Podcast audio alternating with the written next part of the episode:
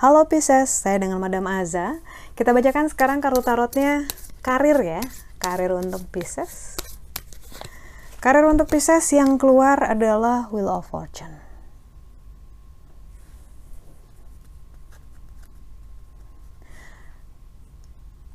Ada kemungkinan untuk terjadi perubahan di kantor ataupun di perusahaan. Either itu ada aturan baru, pimpinan baru, Uh, karena kartu Wheel of Fortune ini menunjukkan kalau saya lihat di sini energi energinya lebih kayak perputaran tapi cukup cepat. Jadi ada yang berubah, bisa jadi ada pergantian uh, rekan kantor ataupun pergantian klien, divisi, tugas gitu. Wheel of Fortune menunjukkan tune tune up perubahan-perubahan yang sedang dilakukan oleh industri gitu yang akibatnya berimbas ke perusahaan-perusahaan lain gitu.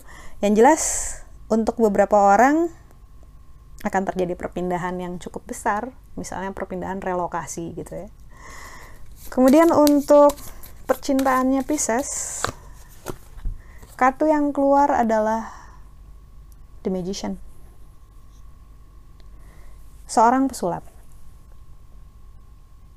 Apakah kamu ingin menjalin relasi dengan seseorang atau tidak? Ataukah kamu ingin uh, dalam ingin meneruskan secara serius gitu sebuah relasi? Energi kalian berdua mau dipadukan eternity gitu seperti di atas si kucingnya itu adalah lambang infinity. Itu adalah tergantung kamunya mau atau enggak. Karena kartu the magician ini core-nya adalah tentang wish. Magician selalu bisa membuat wish orang-orang yang menontonnya jadi kenyataan di mana mereka ingin melihat keajaiban Nah, keajaiban yang kamu berikan ke diri kamu sendiri itu hanya bisa dilakukan saat kamu sudah yakin pada keinginanmu sendiri. Jadi, intinya adalah keyakinan. Selama kamu yakin itu yang ingin kamu lakukan, yang ingin kamu kejar, ya go for it gitu. Nothing is impossible. Jadi nggak ada yang nggak mungkin buat kamu, setidaknya menur menurut energi kartu The Magician yang ditunjukkan saat ini. Tapi ya intinya itu, yakin dulu. Kamunya udah yakin belum? Kemudian kartu nasihat untuk Pisces.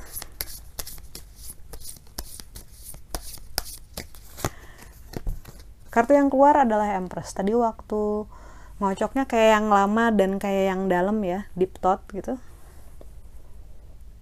Kartu The nasihat yang diberikan ini adalah lebih kayak lebih more instinktif. Uh, ke depannya akan ada beberapa perubahan cukup signifikan dalam kehidupan kamu dan karenanya jangan lupa untuk memperhatikan itu pakai garis bawah double terus di bold ditebelin gitu ya memperhatikan dirimu sendiri reaksimu terhadap apa-apa yang terjadi? Apakah kamu nyaman? Apakah kamu tidak nyaman? Apakah kamu bahagia? Apakah kamu tidak bahagia? Apakah kamu defensif? Ataupun kamu ingin belajar dari hal tersebut. Jadi kartu The Empress ini menunjukkan bahwa yang paling penting itu diri kamu. Ini bukan ngomongin hal-hal egois, tapi kayak yang ini hidup kamu, otomatis yang paling penting ya kamu gitu. Bagaimana perasaan kamu saat berada dalam situasi tersebut dan bagaimana rencana kamu untuk kehidupan kamu ke depannya. Jadi apa pun yang terjadi, dalam perubahan-perubahan ini ingatlah yang paling penting kamu. Yang penting kamu sehat yang penting kamu waras gitu ya. Waras itu maksudnya secara kejiwaan kamu bahagia ataupun kamu merasa lega kamu menemukan kedamaian gitu.